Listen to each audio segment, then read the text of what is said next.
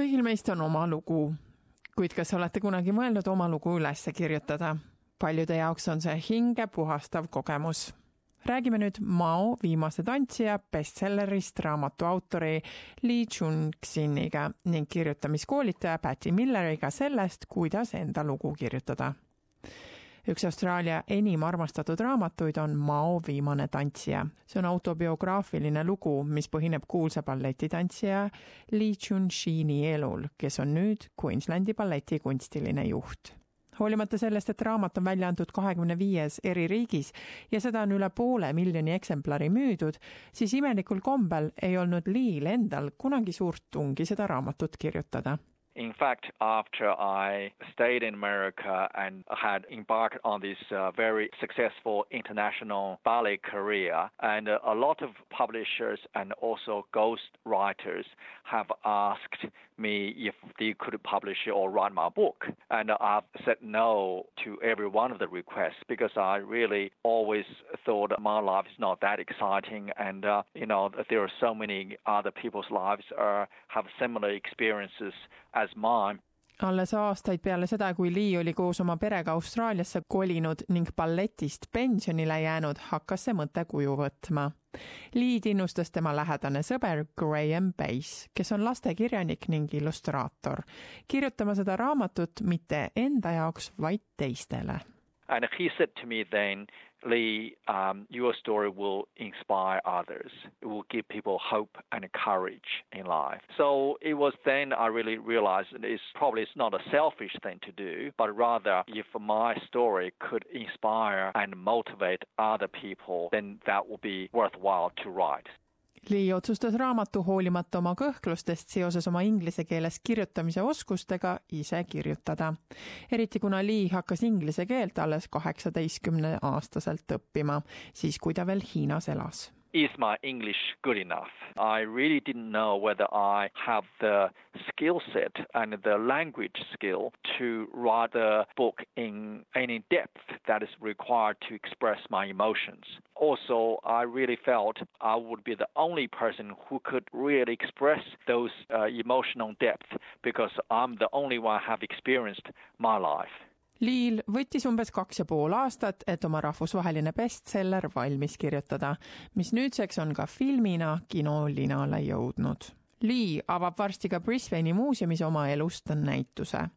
Mao viimane tantsija võis alguse saada küll soovist teisi inspireerida, kuid Lee jaoks oli kogu kirjutamise protsess ise katartiline kogemus I learned a lot about myself, reflecting on my experiences, successful experiences or unsuccessful experiences, but really uh, made me see things more clearly why things happen that way. And uh, sometimes I simply still don't understand why happened, but you just have to accept that could possibly just be fate and it's just part of your experiences in life that you know you have to live through to make the person who you are, who you ultimately become.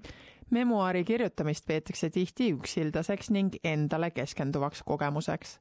kuid memuaaride kirjutamise õpetaja Patty Miller näeb oma õpilaste puhul, kuidas nende elud sellest kogemusest muutuvad ning kuidas nad ise muutuvad teiste inimestega rohkem ühenduvateks ning kaastundlikemaks there's something about the pleasure of, of looking at your memories, but also the insight that you gain into what your life's been about. I agree with the Australian writer Dorothy Hewitt, who said the person who starts writing a memoir is never the same person that finishes writing it. It can actually help people find their way in life because they've been looking at their life so intently. But also, it actually connects them to other people because you start understanding why other people have acted the way they, they have. So I think it is actually powerfully transforming.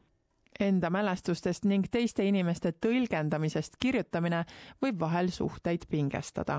Miller soovitab endalt alustuseks küsida, kui oluline on see konkreetne küsimus või probleem, millest te kirjutada tahate. hea mõte võiks olla enne inimeselt, kellest te kirjutada tahate, küsida, kuid Miller leiab, et ka sellisel lähenemisel võib olla laastav tagajärg So you need to think about, you know, if this is publicly aired, um, what what will happen to that relationship, and also you need to ask yourself, can you cope emotionally with what might happen? Because you might be publicly attacked as well as privately. So I, I always ask people to look at all those things carefully, and also to ask themselves how they would feel if it was somebody writing about them. Generally, I call it the Scarlett O'Hara advice, which is I'll think about that tomorrow. Write it first and then evaluate the problems once you've got it written.